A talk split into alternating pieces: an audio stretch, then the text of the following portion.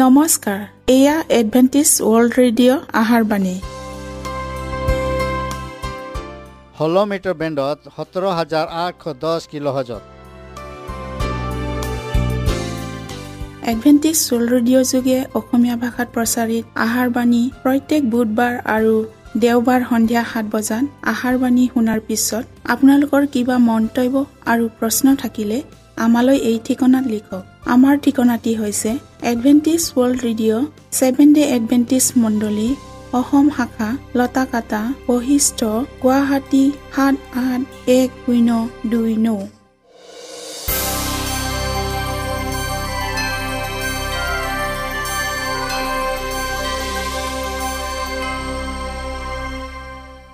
প্ৰিয় শ্ৰোতা বন্ধুসকল এতিয়া শুনো আহক এটি খ্ৰীষ্টীয় ধৰ্মীয় গীত।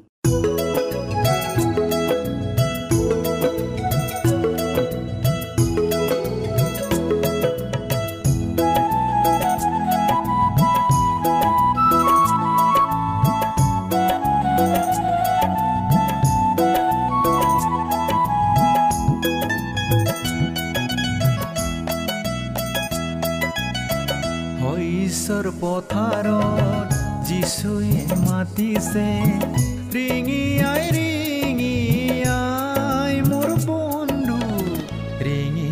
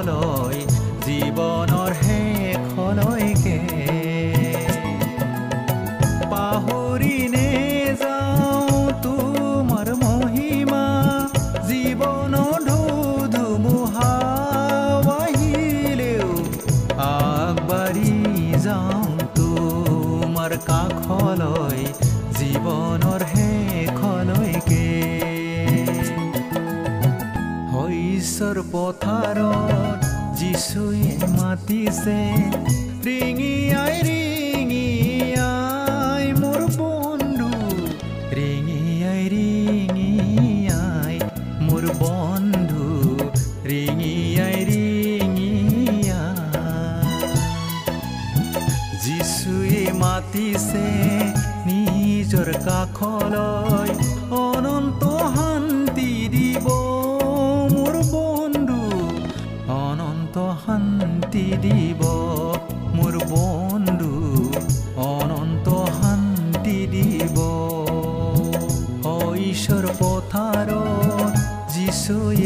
যিচুৱে মাতিছে ৰিঙিয়াই ৰিঙিয়াই মোৰ বন্ধু ৰিঙিয়াই ৰিঙিয়াই মোৰ বন্ধু ৰিঙিয়াই ৰিঙিয়াই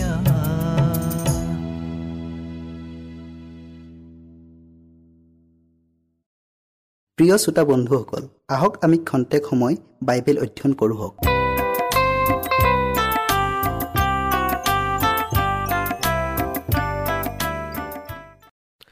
প্ৰিয় শ্ৰোতাসকল নমস্কাৰ। আজি আমি ঈশ্বৰে তেওঁৰ মনোনীত লোকৰ অন্যায়ৰ প্ৰতিকাৰ নকৰিবনে? এই বিষয়টিলৈ অধ্যয়ন কৰোঁ হওক। শাস্ত্ৰপদ আপোনালোকে পঢ়ক লোক ওঠৰ অধ্যায়ৰ এক পদৰ পৰা আঠ পদলৈ। আমি প্ৰাৰ্থনা কৰোঁ হওক। সেই জীৱনময় গৰাকী ঈশ্বৰ জিহুৱা তোমাৰ নাম ধন্য হওক। প্ৰভু এতিয়া আমি বিশেষ বিষয় ঈশ্বৰে তেওঁৰ মনোনীত লোকৰ অন্যায়ৰ প্ৰতিকাৰ নকৰিবনে? এই বিষয়টিলৈ অধ্যয়ন কৰিবলৈ আগবঢ়াইছোঁ।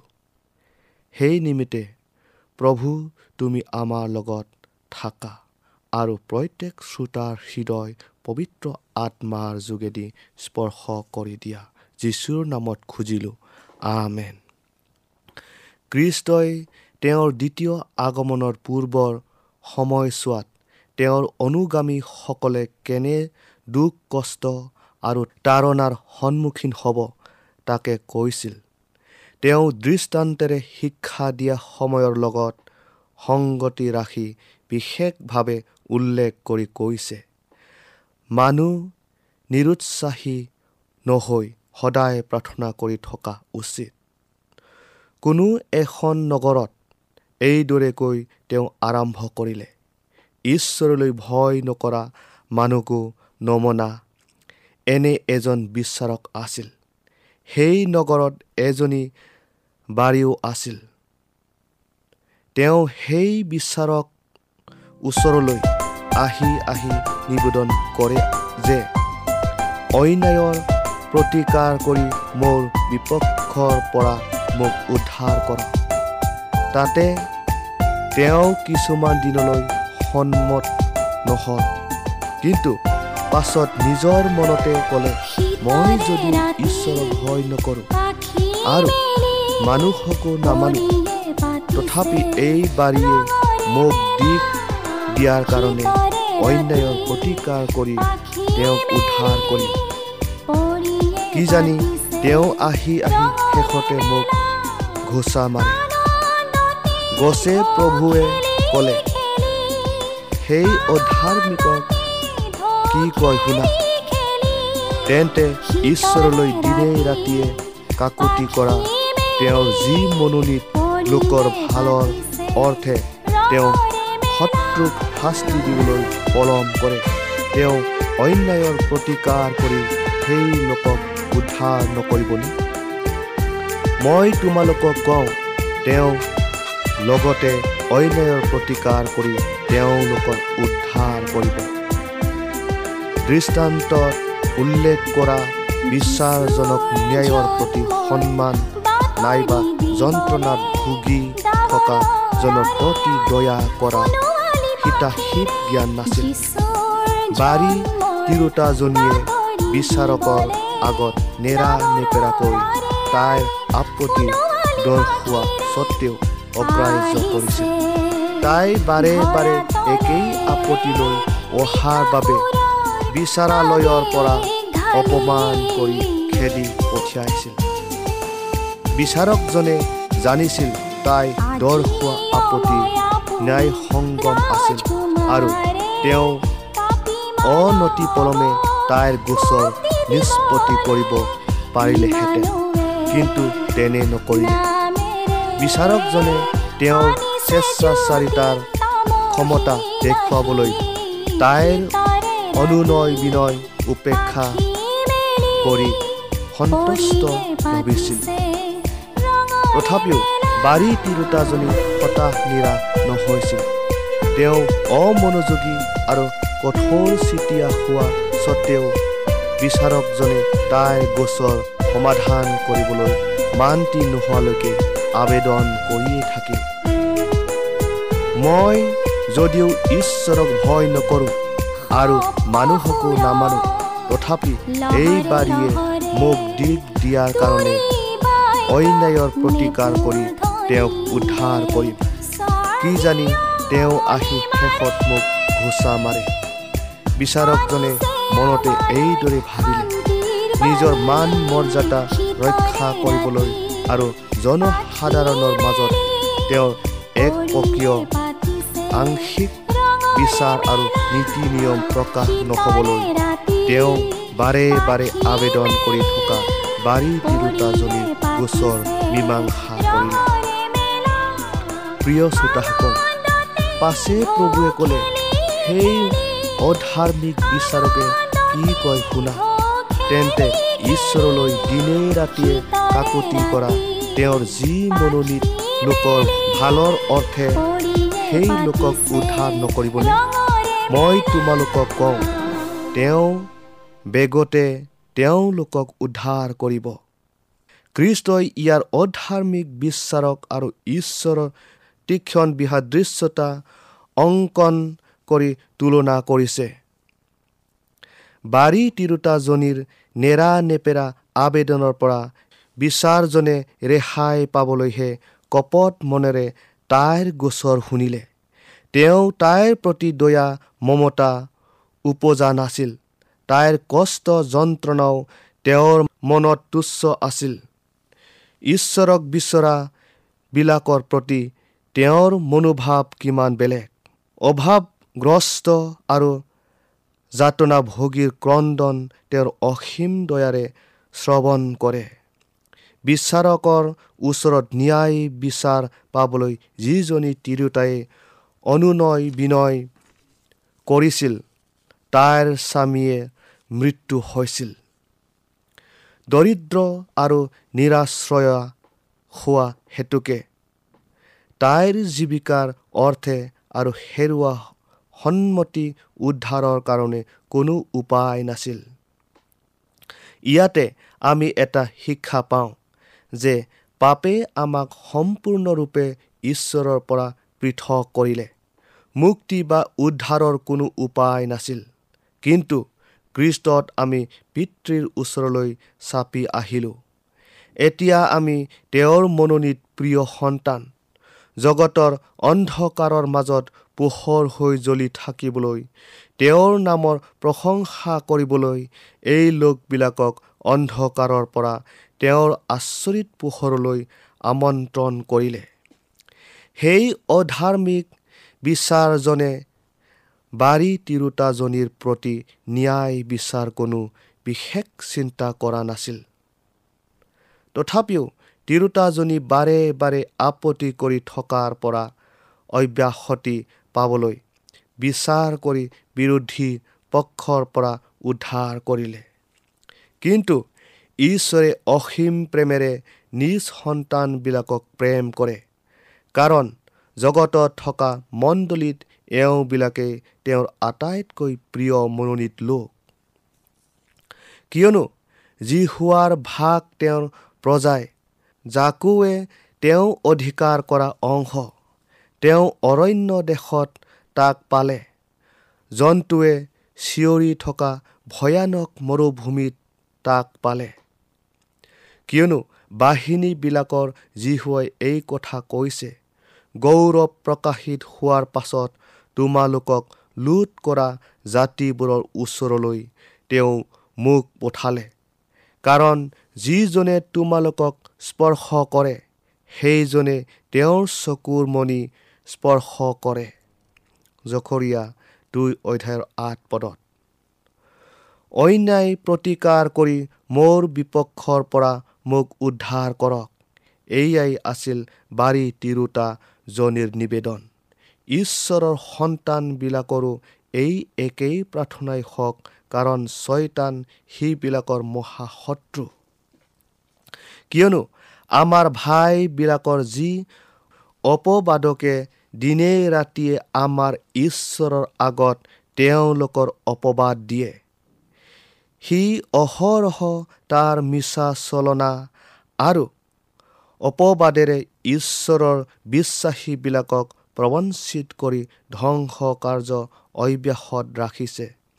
এতেকে ছয়তান আৰু তাৰ সহযোগীবিলাকৰ পৰাক্ৰমৰ পৰা উদ্ধাৰ পাবলৈ এই দৃষ্টান্তত কৃষ্টই তেওঁৰ শিষ্যবিলাকক প্ৰাৰ্থনা কৰিব শিকাইছিল। প্ৰিয় শ্ৰোতাসকল জখৰীয়াৰ ভাৱবাণীত ছয়তানৰ আপত্তিজনক কৰ্ম আৰু কৃষ্টই তেওঁৰ লোকবিলাকক শত্ৰুৰ পৰা প্ৰতিৰোধ কৰা কাৰ্য দেখুওৱা হৈছে। ভাৱবাদী জনাই কৈছে প্ৰধান পুৰোহিত যীশুচোৱা থিয় হৈ থকা আৰু তেওঁৰ অহিতে শত্ৰুতা দেখুৱাবৰ নিমিত্তে তেওঁৰ সোঁহাতে ছয়তান থিয় হৈ থকা তেওঁ মোক দেখুৱালে। তেতিয়া যীশুৱাই ছয়তানক ক'লে হে ছয়তান যীশুৱাই তোমাক ধমকি দিয়ক। এনে কি জেৰুচালেম মনোনীত কৰা যীশুৱাই তোমাক ধমকি দিয়ক? এওঁ জুইৰ পৰা উলিয়াই অনা আধা পোৰা খৰি যেন নহয়। সেই সময়ত যীশুচুৱাই মলিন বস্ত্ৰ পিন্ধি দুজনৰ আগত থিয় হৈ আছিল জখৰীয়া তিনি অধ্যায়ৰ এক পদৰ পৰা তিনি পদলৈকে। ইয়াত ঈশ্বৰৰ লোকবিলাকক বিচাৰাধীন অপৰাধীৰ দৰে দেখুওৱা হৈছে। মহাপুৰোহিত যীশুচুৱাই মহা উৎপীড়িত তেওঁৰ নিজ লোকবিলাকৰ কাৰণে আশীৰ্বাদ অনুনয় কৰিছে। তেওঁ যেতিয়া ঈশ্বৰৰ আগত আবেদন কৰি আছে তেতিয়া ছয়তানেও তেওঁৰ সোঁহাতে উপস্থিত থাকি তেওঁক অপবাদ দিবৰ বাবে সাজু হৈ আছিল। সি ঈশ্বৰৰ সন্তানবিলাকৰ বিৰুদ্ধে অভিযোগ কৰি যিমান সম্ভৱ সেইবিলাকৰ দোষবোৰ নৈৰাশ্যজনক কৰি তুলিছিল। সি ঈশ্বৰৰ আগত সেইবিলাকৰ দোষ ক্ৰুটিবোৰ উদঙাই দেখুৱাই দিছিল। সি বৰ আশাৰে কৃষ্টৰ আগত সেইবিলাকৰ দোষ আৰু নিষ্কলংক কৰ্মবোৰ এনে পটপটীয়াকৈ দেখুৱাই দিছিল যাতে সংকটৰ কালত সেইবিলাকে তেওঁৰ পৰা কোনো প্ৰকাৰৰ সহায় সাৰতি নাপায়।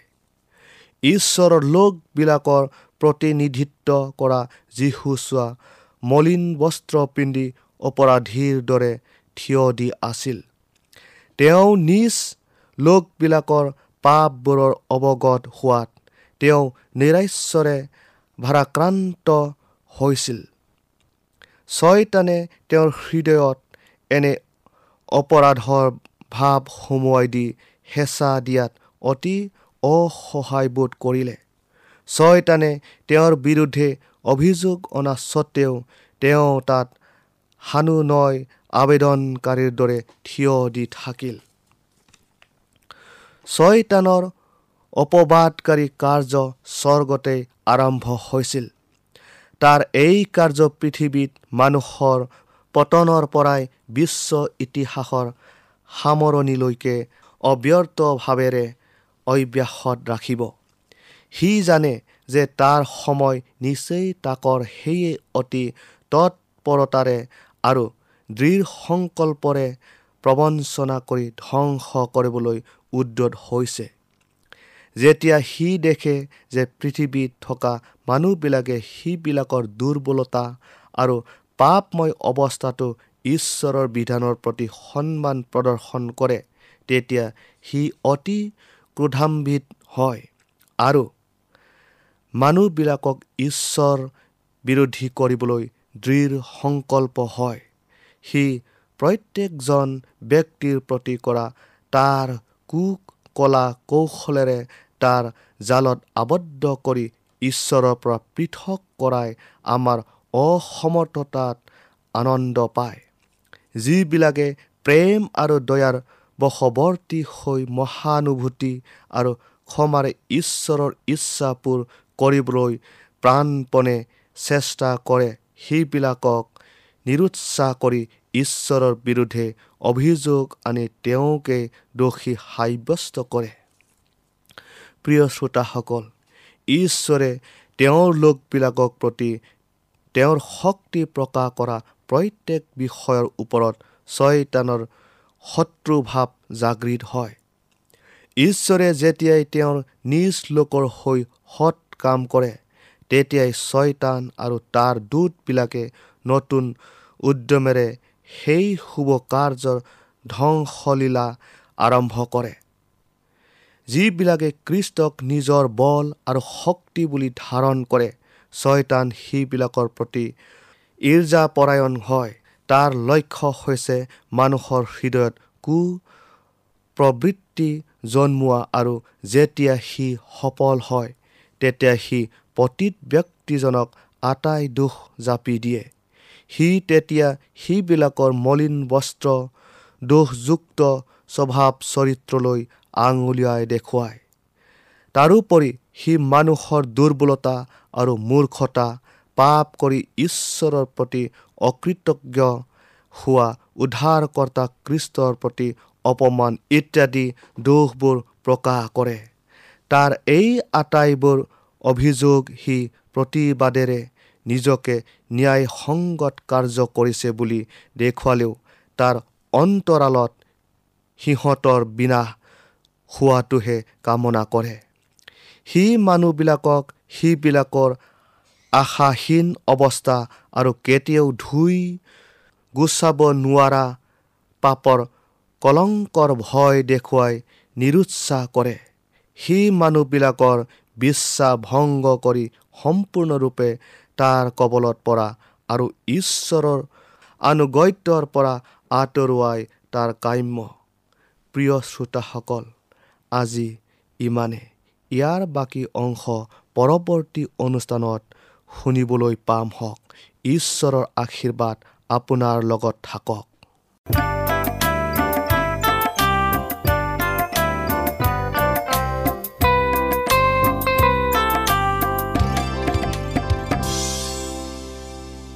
ইমানপৰে আমি বাইবেল অধ্যয়ন কৰিলোঁ। এতিয়া আকৌ শুনো আহক এটি খ্ৰীষ্টীয় ধৰ্মীয় গীত।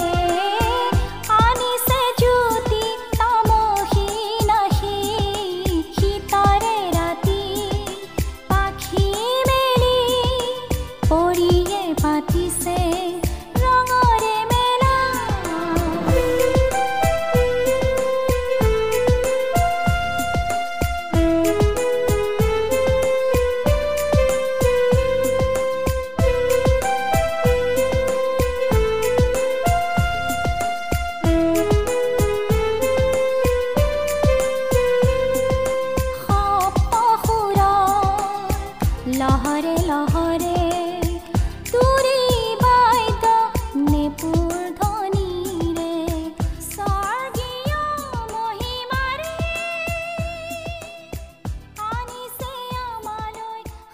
মনত ৰাখিব আমাৰ ঠিকনাটি পুনৰ কৈ দিছোঁ। Adventist World Radio' Assam region of Seventh Day Adventist voice of hope Latakata Basistha Guwahati seven eight one zero' two nine প্ৰিয় শ্ৰোতা বন্ধুসকল এডভেণ্টিজ ৱৰ্ল্ড ৰেডিঅ' যোগে আহাৰবাণী প্ৰচাৰত আপোনালোকক পুনৰ লগ পোৱাৰ আহাৰে আজিলৈ সামৰিলোঁ। ধন্যবাদ।